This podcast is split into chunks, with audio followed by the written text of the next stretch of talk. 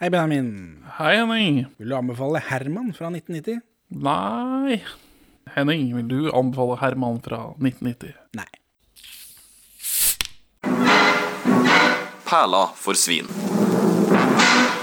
Velkommen til Perleforsvinn, podkasten for deg som mener at hvis Oslo-trilogien eh, henger tett nok sammen til å kalles for en Oslo-trilogi, så er dette en prequelen til den Oslo-kvadrologien. Vi er to middelmådige menn i 30-åra som ser norske filmperler, og i dag så har vi sett Herman.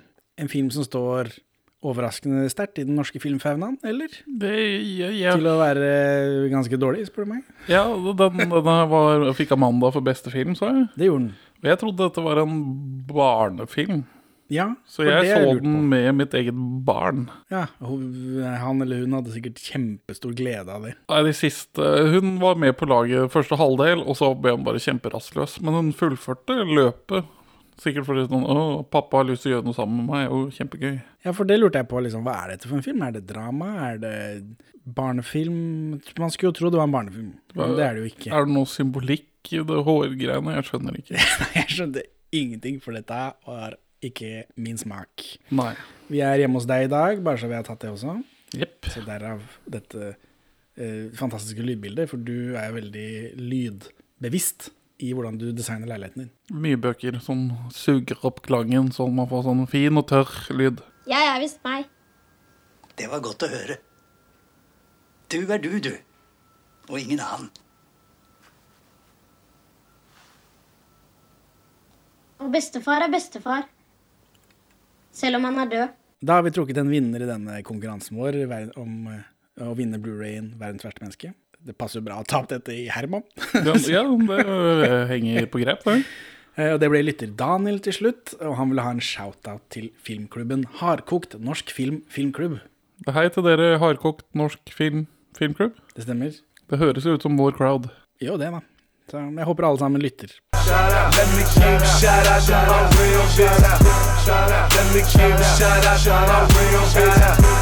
Herman, basert på en bok av Lars Saabye Christensen, som kom i 1988. Det var jo Cinematic Dynamite, den boka. da Man måtte bare rett i filmproduksjon. Tydeligvis vi det kom vel til hans eh, filmkarriere. Lars Saabye Christensen, Jo Nesbø og Erlend Lo er samme person, er det ikke det? Det stemmer. Det er i hvert fall veldig vanskelig å skille fra hverandre. I mitt hode så har alle ansiktet til eh, Jo Nesbø. Ja, For Lars Saabye Christensen er med i Bjelleklang.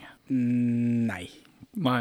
Lars Saabye Christensen er en danskfødt forfatter som alltid har bodd i Norge. Jo Nesbø er med i, eh, i bandet mm, og du vet de der eh, Jenter som kommer og jenter som går.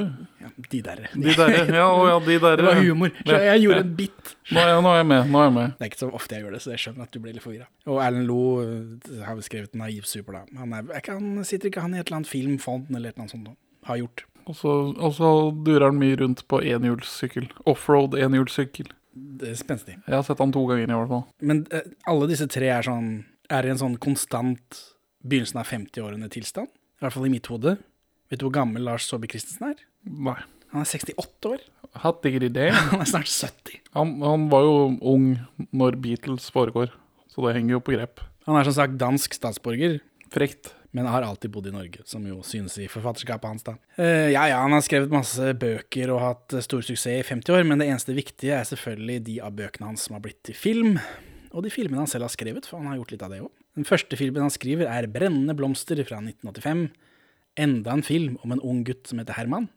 Og denne Herman er litt eldre, han er tenåring, og han får et forhold til en dame i 40-årene. Ja. Så det er en av de filmene, da. Den neste spillefilmen hans er 'Herman', da, fra 1990. Det virker som han har eh, s- s- skrevet den selv, i hvert fall bidratt. Eh, Og samme året så adapterer han Hamsun-romanen 'Landstrykerne' til film, med Helge Jordal. Og så går det slag i slag gjennom 90-årene, hvor liksom det virker som det, han er i hvert fall på topp da. Med 'Telegrafisten', 'Ti kniver i hjertet', 'Hører du ikke hva jeg sier?' med Bjørn Floberg som komiker. Det som jeg har prøvd å finne, men det går ikke. Nei. Eh, Og TV-serien Vestavind, som er en sånn generasjonsserie med Wenche Foss blant annet. Utover 2000-tallet så sakker det litt av, eh, etter først Min misunnelige frisør, eh, og før Maskeblomstfamilien, husker du vi har snakka om den? Eh, Så vidt. For det er den filmen som eh, ligger over Sebastians verden i antall solgte billetter.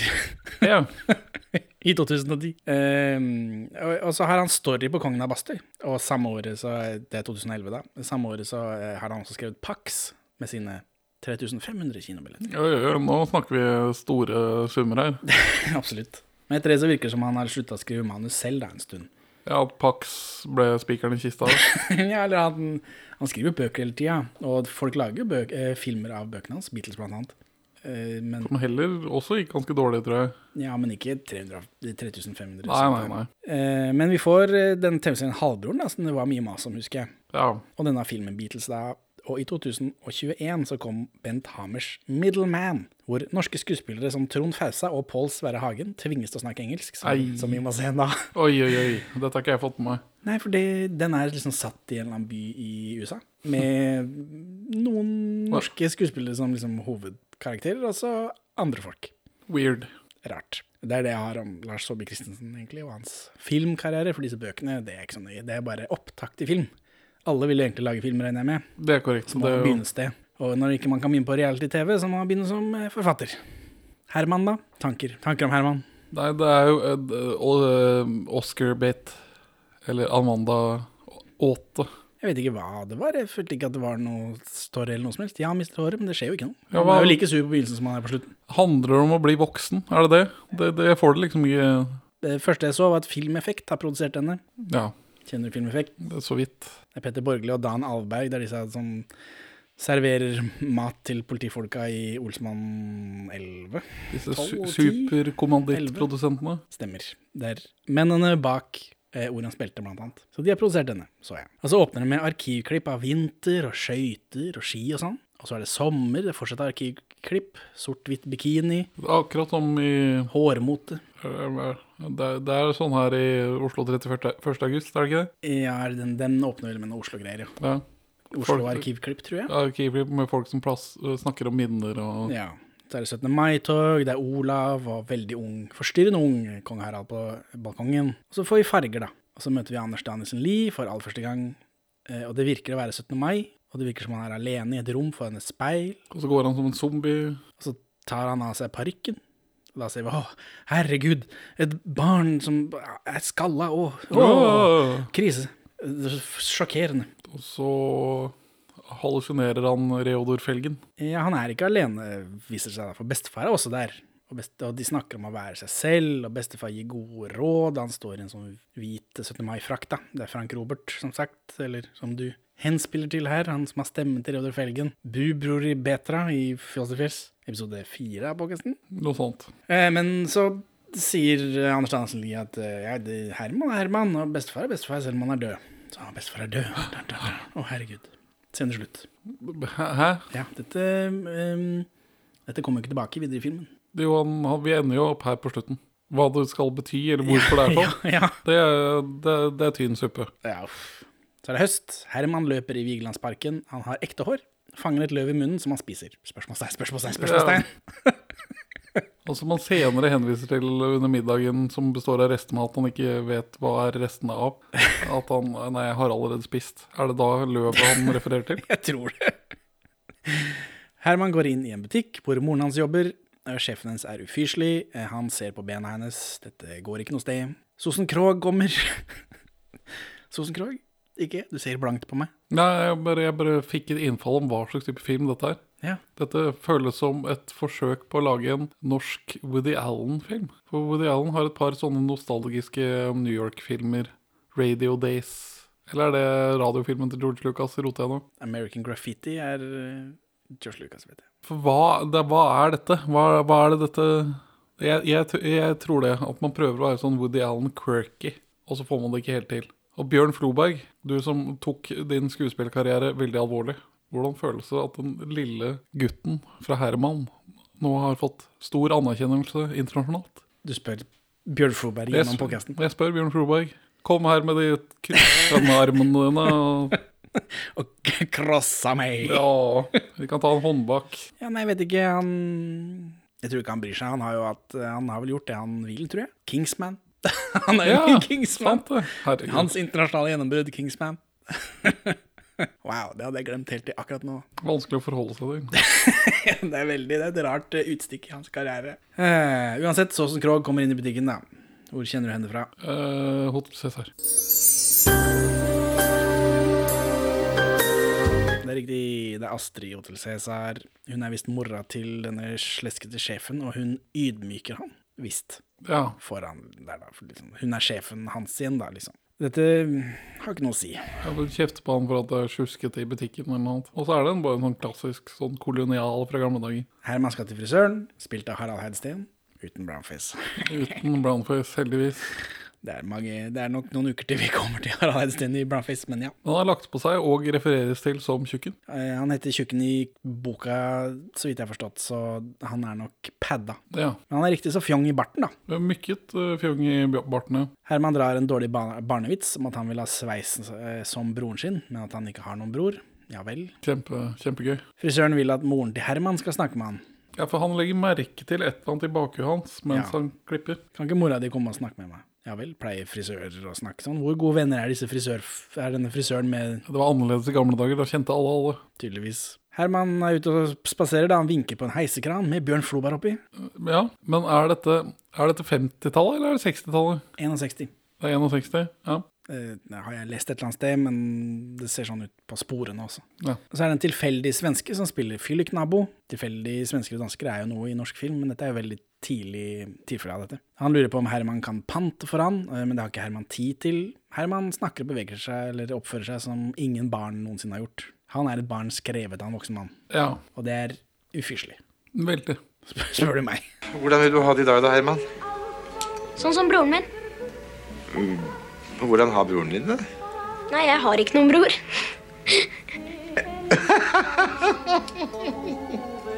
Herman, Herman, Herman.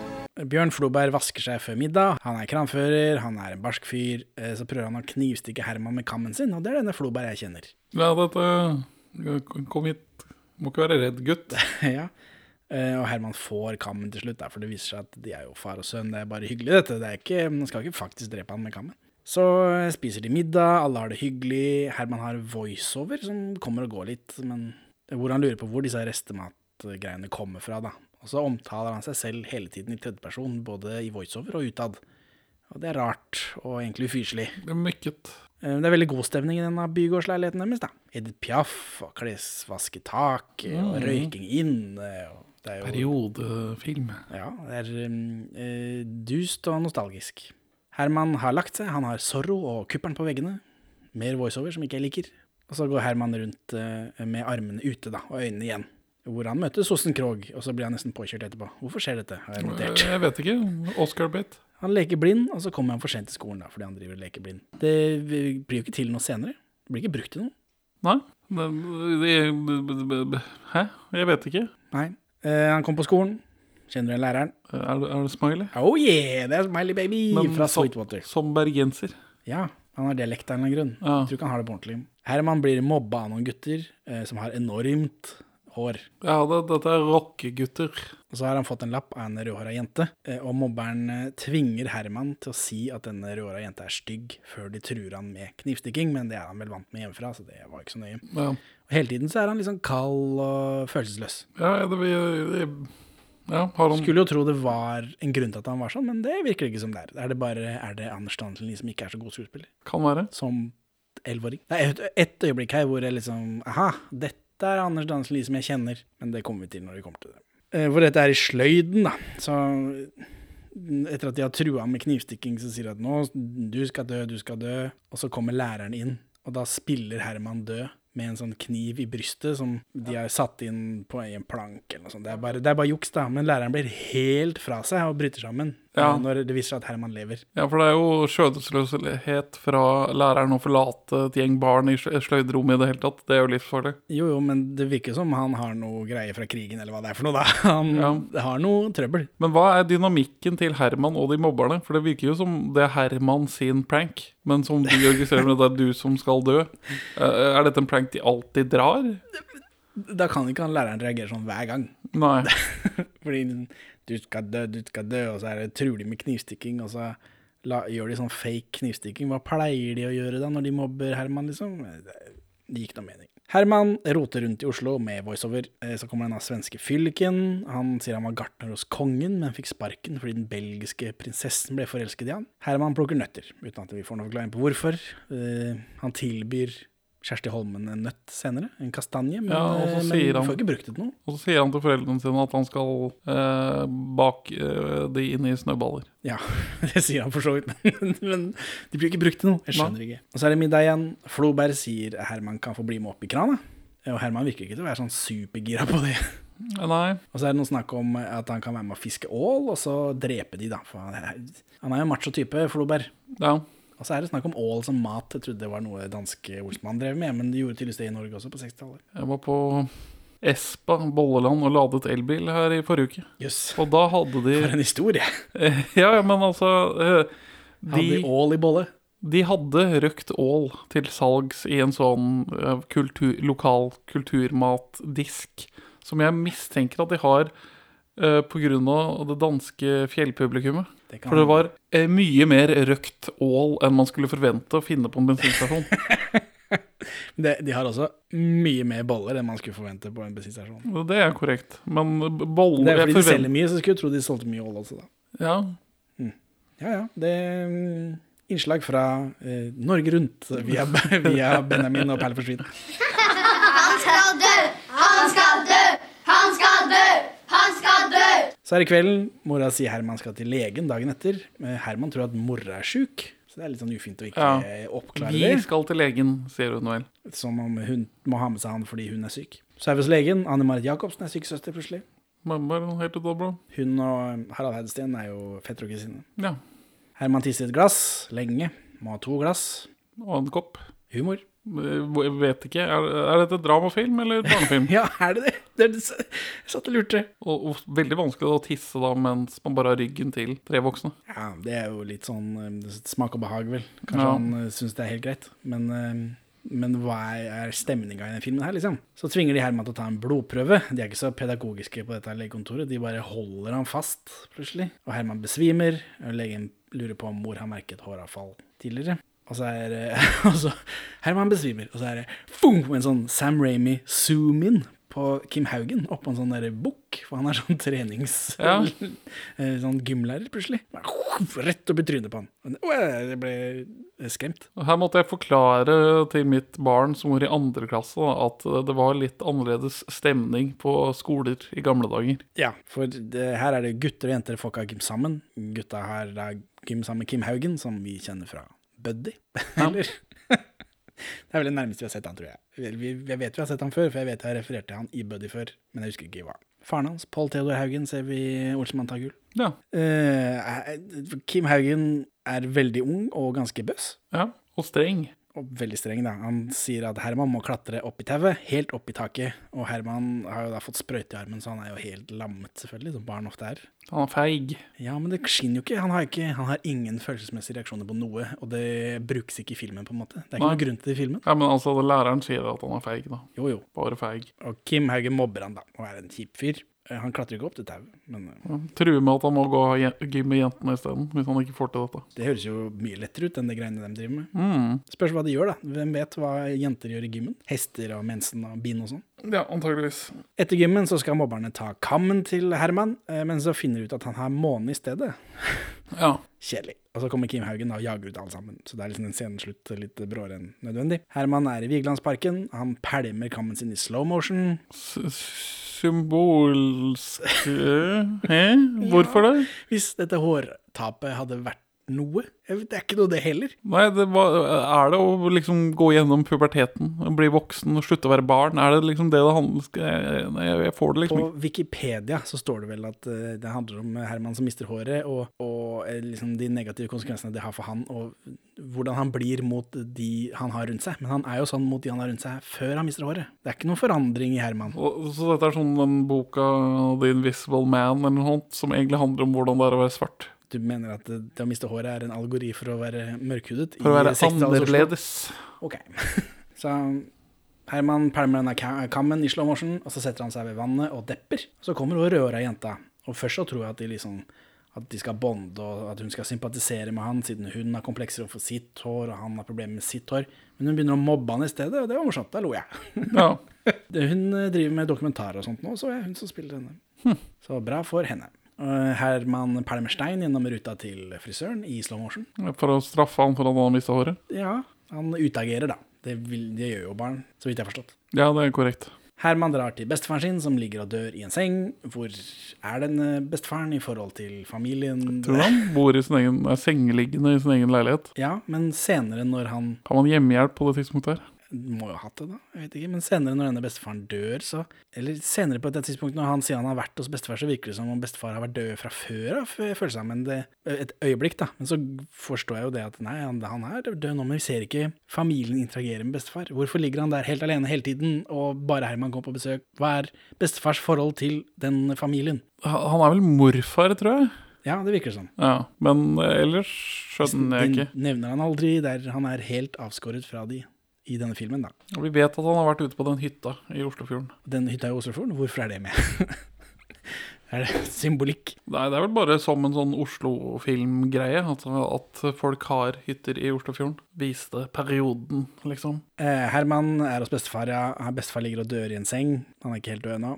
Eh, Herman lurer på når bestefar mista håret. Bestefar forteller om at han var i fengsel i Tyrkia under første verdenskrig, antar jeg. Ja, han sier verdenskrigen, Ja. så da Eh, jeg antar han lyver, men jeg er ikke helt sikker. Vi er ikke helt sikre, nei. For han forteller også om en annen fyr, da, Valdemar, som han satt i fengsel med, som også mista håret, og som senere drar til Egypt og stjeler parykken til Tutankhamon. Og bare, ja, ja. Bestefar er litt dement, kanskje. Nei, men sånn besteforeldre som lyver og sånt, og det føler jeg har sett i film før, at det er liksom en type, men, eh, men det har jo ikke noe påvirkning på noe. Eller det har ikke noe eh, følelsesmessig resonnement, eh, res, det resonnerer ikke følelsesmessig senere, gjør det det? Nei. Foreldrene til Herman leter etter han, da. Han en, hele dagen, tydeligvis. Ja, han, har har vært vært der. borte lenge. Og denne fylliken blir veldig glad når Herman plutselig dukker opp, for han kommer jo bare dassende hjem. Men Han er, han er også litt sånn malplassert. Som en sånn padding. Vi hever kvaliteten med å få inn en annen svenske. Som skal være noe filosofisk eller noe sånt piss. Hvem vet? Det er noe piss i hvert fall. Eh, Herman er såret, og at foreldrene ikke har fortalt han eh, om håret, virker det som. Ja. de har skjult det for han, at han har en sykdom, eller at det er, det er noe galt med han. Dette er en film om tabu i Norge. Er det det? Er det, det? Kanskje? Så det er derfor han var borte så lenge. Liksom. Han føler liksom at han har sitt på det tørre. Da, at jeg må jo få lov å liksom stikke av og utagere når ikke dere kan fortelle meg hvordan ting er. At ikke dere kan kommunisere med barna deres. Uh. For det er viktig nå i, på 2020-tallet. Floberg og familien tar båt til hytta, eh, og de rydder for vinteren. Ja, og som sagt, denne hytta Jeg trodde det skulle være noe, jeg trodde kanskje det skulle bety noe, men det er denne sekvensen, og så er det ikke mer. Et eller annet om et pinnsvin som har gått i dvale. Det var Ja, som ikke har noe med noe. Fra nå av så har har Herman alltid en sånn sydvest på hodet, da. En stund. ja. Så er vi på kino. Sorrow Rides Again. Floberg og Herman har sett på Serial fra 1937. For dette er jo før TV, som passer før TV. Før folk hadde TV. Skal du ha levende bilder, så må du på kino. Ja. Eh, Og dette, sånn Serials er jo TV-serier, men på kinoen. Det er derfor Men det blir ikke forklart i filmen. Nei, Fordi Herman går ut av denne filmen og lurer på hvordan slutten er. For det får du ikke se, da, for det er jo TV-serie. du, nei, du må kjenne til konseptet for å forstå hva Ja. som foregår inni Herman etter dette. Ja, ikke bare det, som- men du må også vite at Sorrow Rides Again er, er en serial. Ja. Ikke at det er en film, og så har de gått tidligere av en eller annen grunn. Men flaks for meg, så visste jeg det. Jeg regner med du vet det også. Ja, jeg er kjent med som er konseptet. ekspert. Eh, Men her får far og sønn bonda litt, da. Så det er, liksom, det er nesten noe. Det er nesten en grunn til at dette er med. Herman fyrer røyken til far Floberg. Koselig, vet du. Er det sånn med dine barn også? Ja, mye av det. Floberg sier eh, byens største dusk, fordi han Det er Herman får en lue med en dusk på. For Herman har drømt om Zorro, og når han våkner, så har han masse hår på puta, og da får han denne lua med byens største dusk. Og Herman kommer for sent til timen til Smiley igjen, og han vil ikke ta av seg lua. Og da blir det beef. Da blir, da blir det beef. For læreren kommer, og så tar han, liksom, prøver han å rive lua, men han tar bare dusken, og da kommer rektoren da, i grevens tid. For han har fått en telefon av Hermans familie, og eh, derfor liksom, Smiley blir jo informert da, om at eh, det er noe galt med Herman, eller du må være snillere med Herman, eller hva det er for noe. Vi får ikke høre hva det er for noe. Så Smiley prøver da å gi tilbake dusken, men Herman er grinte. Ja. Har du hatt sånne lærere? Eh, Det går ja, langt over streken, og så videre. ja, han, han Smiley han hadde jo tidligere holdt en elev ut av vinduet etter ørene i 45 minutter. Ja, For- historien, da. Men Ja, sånne historier men det- har man jo hatt- hørt som barn. Eh, Jeg hadde en vikarlærer som gjorde det i en annen klasse. Og han hadde, han hadde, hatt en- han hadde klikka sånn i vinkel i, eh, Han hadde klikka ekstremt på en kompis av meg en time vi hadde, så vi, vi var litt utrygge på han etter det. Men han skal da ha fått sparken senere for å ha holdt en elev ut av vinduet i andre etasje. Så jeg, jeg har hatt sånne lærere. Såpass. Herman er på sløyden, og han tar med seg noe. Kjersti Holmen er i bakgrunnen av en eller annen grunn, som vaskedame. Hun dukker opp senere, da. Heldigvis, hvis hun bare hadde vært der og ikke noe annet, så da hadde jeg gitt opp. Herman tror visst at han skal dø. Ja, for, Har de ikke forklart ham hva den sykdommen er? Det, vi får ikke forklart det. vi heller. Eh, Går Herman på cellegift uten at vi vet det? For Hvis de ikke sier til han at han mister håret engang. Det kan handle om han- helse som tabu i Norge. Men Det er en veldig rar måte å, å belyse det temaet på, da, med den, i den filmen her. Byens største dusk, jo. Ute så roper alle barna 'skalle' til Herman. Mobberen skal ta han i lua, men Smiley tar mobberen i øret. Hjemme så er Herman sur på at mor har snakket med rektor, og at nå vet alle at han skal bli skalla. Tabu. Så er vi hos legen igjen. Floberg drikker av denne kaffekoppen som Herman har tissa i. Humor. Er det barnefilm, dette? Ja, det, den, den har jo visse barnefilmtrekk. Legen sier Herman har køllehår. Vi får ikke forklart hva denne sykdommen Ja, er. for det, det, blir, det blir liksom sånn follow-up på den dusk-vitsen, da. Å si køllehår. Jeg tror ikke dusk er Var det Ja, ment han, som han vits? sa det på en litt sånn ladd måte. Største dusken, det er liksom Det betyr den mest hårete musa, liksom. Floberg veit det når han lar det trille ut av kjeften. Jeg vet ikke, Betydde det på 60-tallet? I hvert fall da når du sier køllehår. For Ja, men det, det, er betyr jo hår. lege, det høres ut som en diagnose fra legen. Hva er køllehår? Køllehår pleier jo å være hår på kølla. Ja, men du har jo, men det, du har jo ikke det i huet, og så detter det av. Nei. Vi får aldri vite hva den sykdommen er. Det er veldig irriterende. Det er ingen som vet hvorfor han er syk. Legen spør om det er noe Herman er nervøs for, og han sier at han helst ikke vil opp i en heiskran til Floberg. Ja ja, det var jo ikke det den legen mente.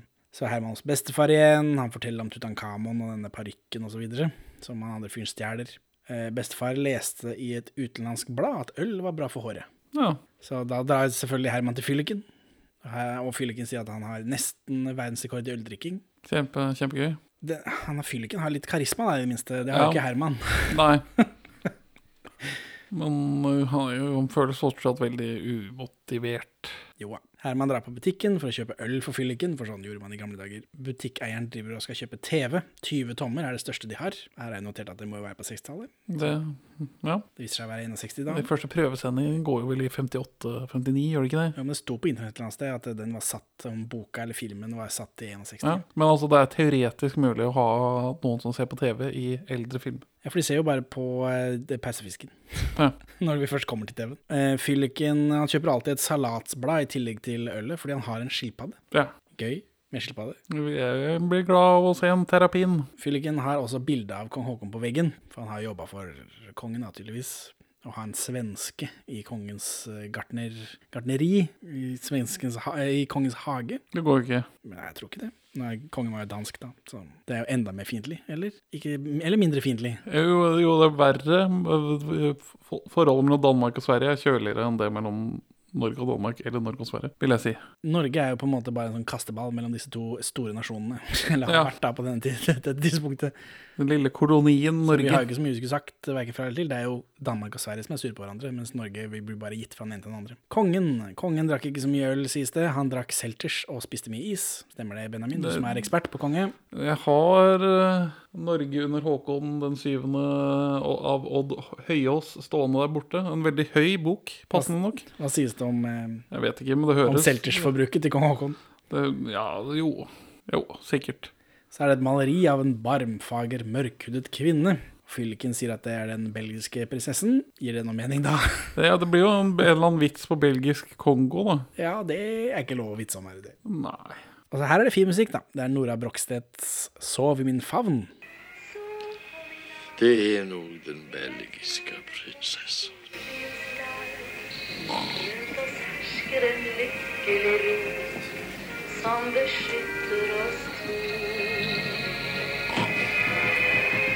Sov, lille venn, her er stillhet og fred i vårt hjem.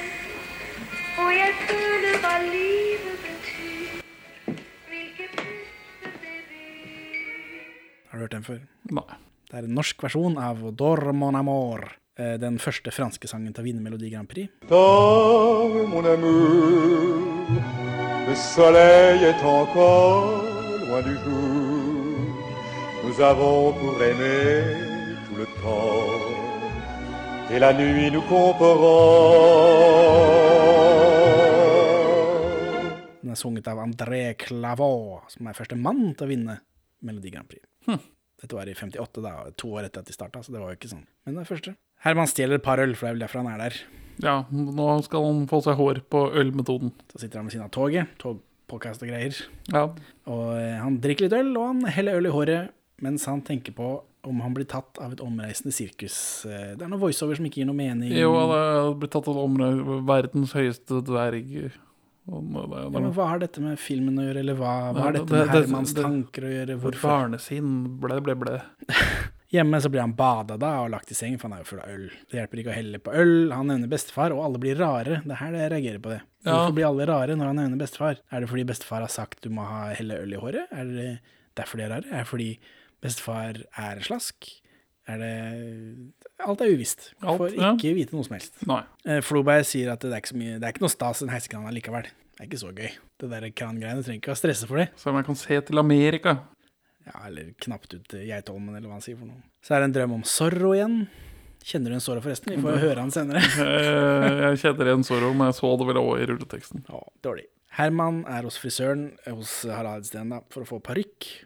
Og nå har han sånn flekkete hue. Og frisøren Tjukken prøver å muntre opp stemningen, for de skal sende håret til Europa for denne parykken hans. Det er derfor de klipper av litt nå, så de vet fargen, liksom. Og det virker ikke som Herman er sånn supergira på den der låneparykken fra Korea, som ser ut som en sånn parykk til et lite koreabarn. Ja.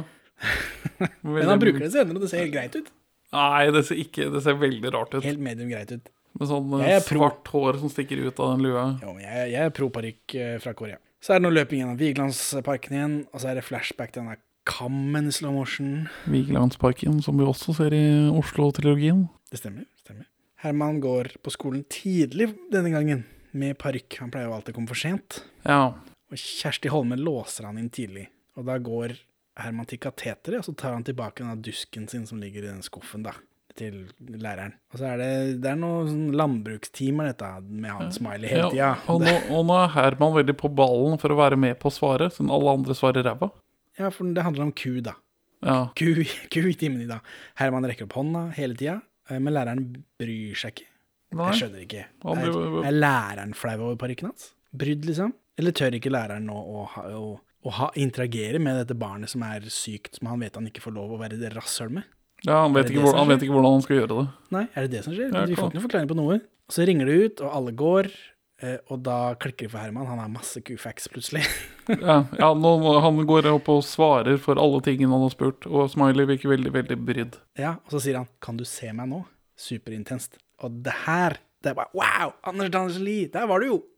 Jeg, kje- jeg kjenner det plutselig. Og så blir han borte igjen, da. Men den 'Kan du se meg nå?' sånn superintenst opp i trynet på han læreren. Da, da, da så Fantastisk. du et Fantastisk. glimt inn i Anders Danielsen Lie sin fremtid. Ja, det var eh, Da ble det veldig påfallende at han ikke er sånn resten av filmen. da. At han Ja. ikke liksom spiller ordentlig, men klart han er jo ti, da. Det er begrensa hva hva han får gjort. Av melk lager vi rømme, fløte, ost og smør.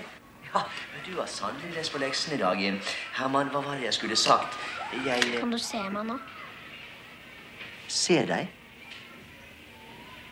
Ja, selvfølgelig ser jeg deg, Herman. Herman snakker litt om parykken med hår i håra. Han sier han er fra Egypt, så han, det er jo noe han har tatt med seg fra denne historien til bestefar. da. Og Så er vi ute, Herman kaster parykken, eh, og denne butikksjefen får TV-en. Ja. Det kommer to gubber, bærer den TV-en i hver sin kant, og Sosen Krog er der og klager. Så står det også at juleøl er kommet. Så nå får vi vite alt dette. Jeg vet, er det sett opp til noe? TV-en dukker opp senere, men den betyr jo ingenting. Nei em, em, em, Han, har, tatt- han tar jo med seg ølet nå. Norge endrer seg. Yes. Ja. Ja. Ja, er det det? Er det det? Jeg Er vet det ikke. Så er vi hjemme hos han fylliken. Eh, fylliken har klikka for. Han er koko, han later som han klipper gresset, han hyler og raserer huset, han hallusinerer dyr som er over rundt seg. Har han sånn øh, øh, delirium tremens eh, fordi Herman har stjålet de to ølene, som gjør at han ikke har fått dekka kvota si. At kvota hans At han blir så koko pga. manko. på Ja, to altså øl. Hvis man er alkoholiker og ikke får tilført tilstrekkelig med alkohol, så blir man veldig, veldig rar. Ja, men ikke to øl. Nei, det Det, det, altså, de to ølene har jo Hva heter sånne store øl? murer. Ja, To murere mer eh, gjør en forskjell. Jo, men når man drikker øl, så drikker du han har jo ikke, Planen hans var ikke 'jeg skal drikke de to ølene, for det er kvota mi'. Han, planen hans er 'jeg må drikke fire kasser øl'. Så når han da skal begynne på de to siste, så har jo de to første gått av systemet hans. Tror jeg, da. Jeg kobla ikke det, i hvert fall. Men her får vi Han har drept skilpadda si, da. Det er jo veldig kjedelig. Ja, veldig. Ufint. eh, Veldig norsk filmaktig. Å drepe, drepe s- forsvarsløse dyr, men eh, ufint. Herman byr på juleøl, og fylliken kollapser da. Og Så blir han henta av sykebil, fylliken altså, og Herman ser på eh, fra vinduet sammen med mor. Så kommer Floberg med juletre, nå er det god stemning. Han har stjålet juletreet. Ja, mor er kjip fordi Floberg har stjålet dette treet i Nordmarka. Han sier at Altså, de kommer til å ko- koste 1000 kroner i år. Ja, parken, ja. Å ja, ja, ok. Denne parykken til Herman koster jo minst 1000 kroner, og så å, da, det skulle vi ikke si, og så står han i døra, og så blir det liksom dårlig stemning. Men eh, hvorfor er det så kjipt bare fordi han har tatt dette treet gratis? Han er vel redd for at eh, de skal komme og bure han inne, da. Politiet skal komme og ta ham for eh, For det er jo ikke lov å ta trær i Nordmarka, det lærte vi jo av eh, o- ordsmannen. Småveksten må få stå. Eh, Ja. Ja. Så er det kutt til masse folk som står utafor denne butikken og ser på pausefisken i vinduet da, på TV. Og så kommer denne skje- eller butikkfyren da, og inviterer folk inn og bare 'kom inn og handle greier', uten at det fører til noe. Så har Herman sånn eh, bensinstasjon-nissemaske på seg. ja. Esso-nissemaske. Han har tatt med seg julegave til bestefar. Bestefar ligger og er død. Stein død. Herman har en monolog eh, om en, Han monologerer en historie om en i klassen som mistet håret, og om foreldrene som ikke hadde råd til å kjøpe parykk. Så her prosjekterer, prosjek, projekterer han noe, eller hva er dette for noe? For de har jo råd til parykk. Han er, han er vel Det er dyrt, men Men han har jo levd lenge uten. Altså han, det er vel noe som, Siden han ikke bare innrømmer at det er han sjøl, at han driver og prøver å bearbeide skammen ved å sjekke hvordan bestefar reagerer ved å høre om en så fæl gutt. men han er jo død. Ja, men Bestefar, altså. det har han vel ikke skjønt helt ennå. Ja, ja. Eh, Herman tar av seg lua da. Nå er han veldig skabbete. Herman Ja, Det ser ikke, det ser ikke bra ut. Så løper han i sint slow motion, griner. Så får vi et sånn hvitt flashback til bestefar som er kul. I På svart- hytta? Ja, men dette, dette er jo ikke etablert tidligere. Nei. Det er et flashback som kommer ut av ingen steder. Det viser seg å være flashback fra en tid hvor han og Herman tok et bilde sammen, men vi har ikke sett det bildet før. Nei. Hva er dette for noe? Vet ikke, men eh, det skal vel være et eller annet om at han bevarer bildet han hadde av sin flotte bestefar. Jo, men det er ikke sånn man l- gjør flashback, du. Da må vi ha sett det bildet før. Ja, Eller, hatt, eller fått eh, i en slengbemerkning at husker du vi var på hytta her sammen med bestefar og vi tok dette bildet, eller at eh, husker alle de fine stundene vi har hatt sammen med bestefar på denne hytta. Nei, Jeg vet ikke. Det er ikke sånn man gjør det, i hvert fall. Dette er et såkalt køllehår. Køllehår, ja. Køllehår, ja. Herman kommer hjem, og så rister han i juletreet så pynten knuser. ja. Og så kommer mor og far hjem. De er fulle og glade. Hvor har de vært? Hva er dette for noe? Det var sånn i gamle dager, kanskje. ja det, det er høyere sannsynlighet for det. For nå er det jul. Ja. Er det julaften? For det er noen gaver og noe greier. Er det Ja, ikke? ja det er Det nærmer juleaften. seg iallfall julaften, om ikke det er selve julekvelden. Og da har mor og far vært ute og drikke seg drita, mens Herman bare reker rundt. Og da har vært hos bestefar, som er død. Bestefar som, de ikke, som foreldrene ikke vil snakke om, så jeg regner ikke med de har sendt han til bestefar. Nei, nei, han tar jo den runden på vei hjem fra skolen. Det er Til bestefar og til fylliken. Ja, så det er veldig, Hvor har de vært på julaften, denne familien? Whatever. Drittfilm. Jeg blir sintere og sintere. Jeg var forvirra når jeg så det, nå blir jeg sint når jeg Ja. tar det en gang til. Så klikker foreldrene på Herman. Endelig, har jeg skrevet, for Herman er jo en ufyselig fyr. Eh, men så er bestefar er jo død, da. Så da Sånn tuller du ikke med, gutt. Floberg bare «Rrr!» Men så, viser, det- så skjønner de vel kanskje at ikke det er tull, og da løper mor av gårde, og Floberg må liksom trøste, da. Så er det senere på natta, Herman har fått skøyter. Floberg som far, han er vel ikke den som tar det er, vel- Han også, hvordan, hvordan vil du forklare hans foreldrestil? Hans tullete pappa som ikke helt vet hvordan man er sånn varm, men prøver litt.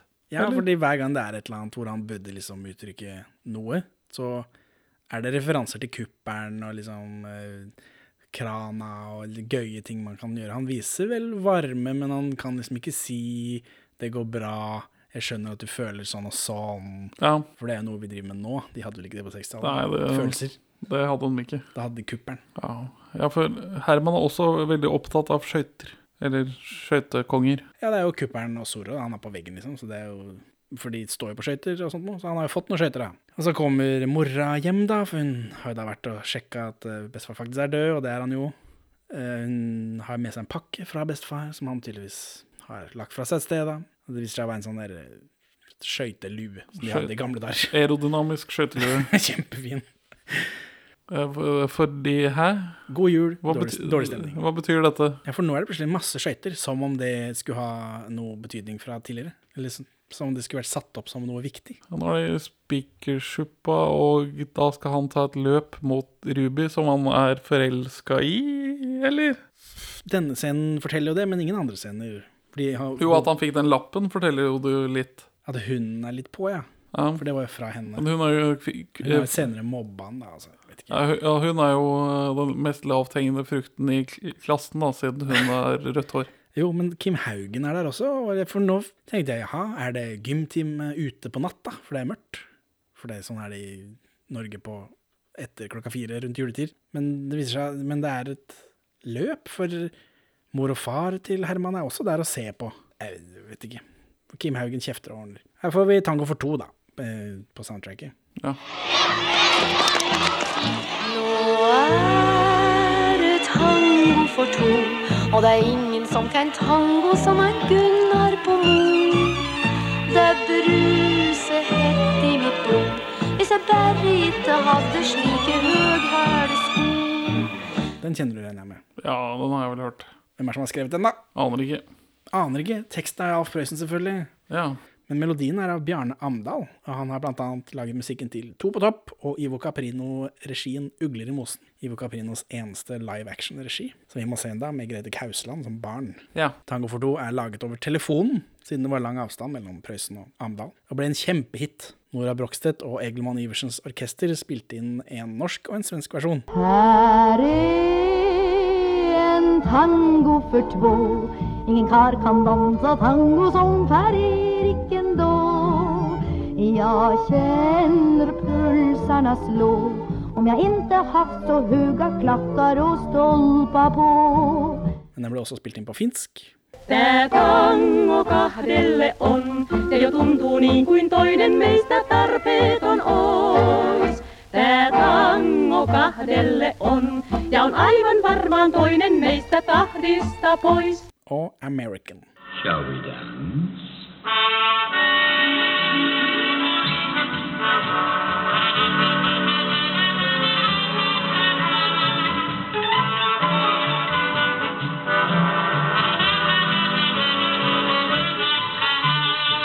Herman går mot hun rødhåra og taper, da, og Floberg ser skuffa ut. Etterpå så er hun rødhåra jenta sier at de blir utvist om de ikke er snille mot Herman. Barna, altså. ja. Og Herman sier at han er skada i kneet, og ja, han ja, nei, Jeg skjønner ikke noe av den karakteren jeg nå. Faker han jo liksom skader fordi han tapte fordi han er ræva. Han er en sånn lystløgner-type, men vi, vi, vi får ikke noe videre innblikk. nei. Så nå er det en sorg og drøm til, nå med stemme. Og den Øyvind Blunk-stemmen er ikke så veldig helteaktiv. Nei, den fungerer ikke helt til det. Og han har jo maske på, og så har Herman også maske på i denne sekvensen, da. Men hvorfor, hvorfor Øyvind Blunk? Av alle mennesker med stemme. Han er vel eh, Norges fremste Zorro-fan, bare at vi ikke har fått det med oss. Jeg vet ikke hva gjorde Øyvind Blunk i, 88, i 1990? Når Reidar greier. Reidar, ja. det, hm, ja, nei, det var jo heller ikke, hjalp heller ikke meg nå. Herman og Zorro snakker sammen. Zorro forteller hvordan filmen i Gåstein slutter. Det er jo Det het ikke Serials før, tenker jeg. Het ikke det i Norge. Øyvind Blunk eh, Zorro vil ikke hjelpe Herman, og så drar han bare. Ja, for Herman vil ha svar på hvordan det slutter. Ja, det får han da, men han vil også, liksom, han vil også ha hjelp av en helt, fordi han har problemer. Eh, Sier filmen her, men jeg har jo ikke sett noen andre problemer. Eller, eh, han har jo masse problemer, men det, han bryr seg jo ikke. Det virker ikke som han har ikke noe følelse, Herman. Så da når han våkner, da, så tar han ned alle disse tingene han har på veggen sin. Så nå er han er- Det er en sånn, det er en sånn voksen, er det en voksenfilm, dette? Er det en Coming, voksenfilm? coming of age-story. Ja. Så kommer tjukken innom med parykken, eh, og her går det noe musikk som ikke jeg klarer å identifisere, og det er veldig irriterende, for det står ikke noe i rulleteksten. Det er ikke en eneste låt der. Jeg må liksom jeg må etterforske hva det har vært tidligere. Anders Danielsen Lie sin kassettproduksjon. Jeg håper det. Eh, Mest sannsynlig. Du verden for en flaks det er å være barnefødt. I Norge dette hengebratte smale. Og fremgangsrike landet hvor du overalt og slett møter trangen til å være originale. Herman sniktitter på koret, som inkluderer hun rødhåra. Hun er sånn multitalent. Spiller ikke hun klarinett eller sånt noe senere i korpset? Hun står på skøyter noe jævlig bra, Ah. hun synger. Flink pikesyndromet. Eh, Mobberne står ute og røyker, som er tøft når du er ti. Ja, Mitt barn ble veldig sjokkert av dette. Ja, men eh, ja, det var jo på 60-tallet, det var helt vanlig. Du fikk jo sigaretter i dåpsgave. Herman sier eh, at han er ute og knuser ruter. Og mobberne sier at det tør du ikke, men han bare gønner på. Han Ja, knuser ruter, liksom. Over en lav sko. Ikke noe problem. Og her får vi mer sånn 60-talls-pranks. De knytter fast døra til leiligheten til Kim Haugen og Kjersti Holmen eh, med en snor i rekkverket på utsida, liksom.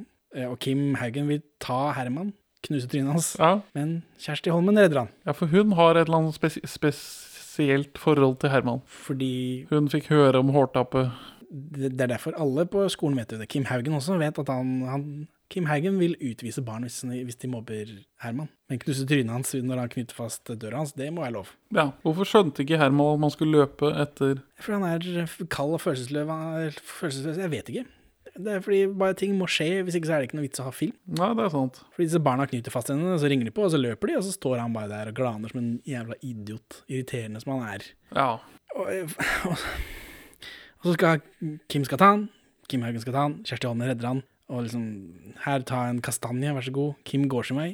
Herman har tissa på seg. Hvorfor det? Ja, Hvorfor det? Hva er dette for noe? Det har, det har ikke noe etterspill, det har, det har ikke noe forspill, det er, liksom- det er ingenting. Det er ingenting. Det er bare ting som skjer, har ikke noe å si. Og så får ja, Holmen får en ka- kastanje, da, Herman sender slutt. Hvorfor skjer ting bare hele tiden, har jeg notert her. Så dagen etter så kommer rektor inn i klassen og lurer på hvem som knuste ruta, og mobberne caver med en gang. Men Herman, han eh, melder seg ikke. Men, så de, men hvorfor snitcher ikke de bare på han, da? Vet ikke. Så er vi hjemme hos bestefar. Doris Day går på radioen.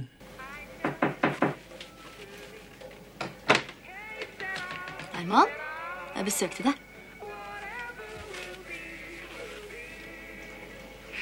Kesera Sera fra Hitchcock-filmen The Man Who Knew Too Much. Jeg så, Ja. det, jeg så det og tenkte å svare. 1956. Mor rydder leiligheten til bestefar, virker det som. Det er det som skjer. Som man gjør når gamlingene dør.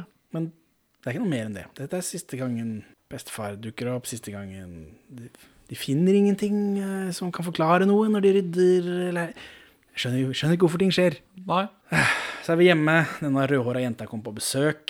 Hun sier at Herman var god på skøyter. Eh, Han finner på en masse unnskyldninger allikevel, og hun syns det er greit. Så får hun se håret hans, da, og det ser ikke bra ut. Han ser ut som eh, Jason i Fredag den 13. Ja. Sånn Helt på slutten i første Fredag den 13.-filmen, når han kommer opp av vannet der. Senere, Herman eh, tar på seg denne parykken, viser det til mor. Han liksom, har- Kommer han ut av skallet nå? Hva er det som skjer? Så drar han til byggeplassen til faren hans, og der virker det som han, altså far Floberg og kameratene er inne i en sånn bu og drikker. Ja. For dette er etter jobb, antar jeg. Mor er sint etterpå. Hva er dette? H- Hvor i tid er denne scenen? V- Ja, jeg skjønner Nei, ingenting. Nei, ikke jeg ikke jeg heller. Mor og far har jo allerede drukket seg drita på julaften uten barn. Det virker ikke som det er noen grunn til at hun skal være sint for at han drikker seg drita. Kanskje, kanskje hun er sint fordi han drikker seg drita uten henne. Ja, det kan det kan det faktisk være. Floberg sier at Herman har en flott parykk, eh, og Herman sier at han kan bli med opp i krana. Og så er mor sint, da, og jeg vet ikke hvorfor. Er det bare generelt drukkenskap hun er sint på? Hvem vet. Så er vi tilbake på begynnelsen, på 17. mai. Herman løper skalla ut. Fylliken er der, nå er han tørrlagt og fin, da, i dress. Det betyr sikkert noe. Svenskene har svensk flagg. Du bor i Oslo, hvordan er det med flagg som ikke er norske i 17. mai-toget? Eh, Kontroversielt, tror jeg. Hva er ditt standpunkt på det? Jeg syns vel det norske flagget skal ha forrang på 17. mai. Men at det skader ikke at folk har med seg mindre flagg fra andre nasjoner. De må være mindre enn så og så mye. Sånn kransekakevimpler, typ. Ja, Sildesalaten, er det lov? Nei. Det er ufint. Det er ufint. Ok. Fylliken sier at korpset spiller for dem, altså for han og Herman. Og så går hun rødhåra i korpset da. Og så kommer mor og far ut av porten, og de retter på klærne. Har de ligget med hverandre? Det, ja, Det er, det er eneste grunnen til at folk retter på klærne i film. det er det det betyr, ja. Ja. V- Hvorfor, hvorfor det? Vet ikke. Nei. Og øh, så kommer Kim Haugen. Han har smelt øh, Kjersti Holmen på tjukka, og han tar bilde av Herman. Hvorfor det? hvorfor tar denne slemme gymlæreren bilde av Herman? For ja, når man vokser opp, så blir man påvirket av alle rundt seg. og Man har et forhold til disse. Og så ser jeg, selv om Kim Haugen var streng den gangen, så er han fortsatt en fyr som eh, smiler og tar bilde av deg på 17. mai. Hvis ikke han syns denne parykken var så morsom, at han må ha det bildet av det for evig. Ja. Men det kom ikke fram i filmen i så fall. Jeg plukka ikke opp det da. Og så står hun rødhåra midt i gata plutselig, etter at hele korpset har gått. Det er sånn fungerer ikke korps, tror jeg. Du kan bare bli borte. Herman går henne i møte, og så går de mens Floberg og mor ser fornøyd på. Eh, De går rett inn i sola. Lyset fra sola er så vidt eh, at det blender ut eh, rulleteksten. Så det var jo Da hadde jeg blitt grinete om jeg hadde vært med i den filmen her, og så blir ikke navnet mitt med i rulleteksten fordi de har filma det så dumt. Eh, Og det er slutt på filmen.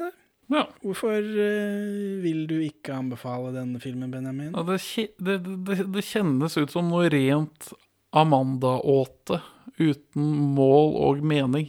Jeg er ikke underholdt, jeg er ikke ja, Jeg føler ingenting.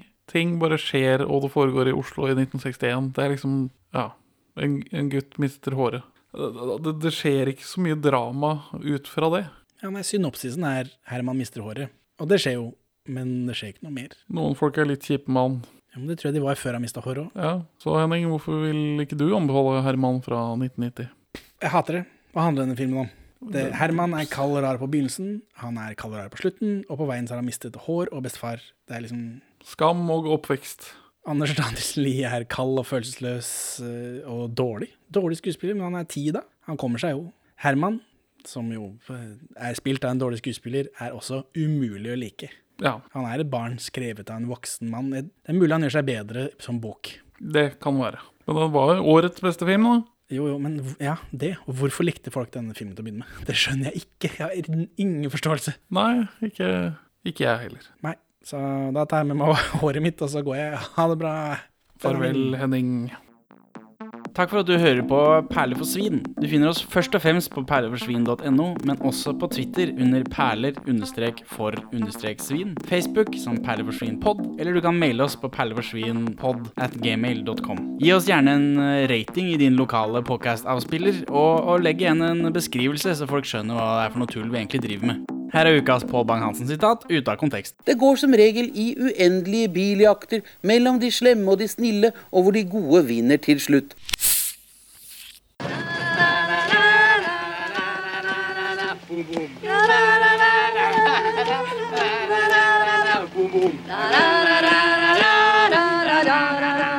Eh, Hermansen går mot Hermansen. Jøsse navn.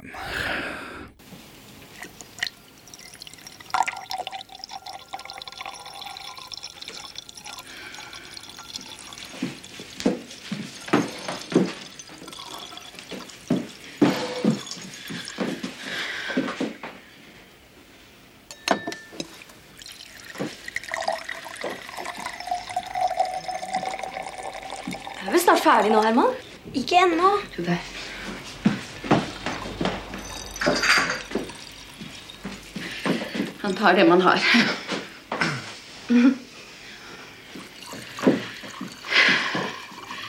Ja, du. Floberg sier da at Hermans, Hermansen Sky- Skyt meg.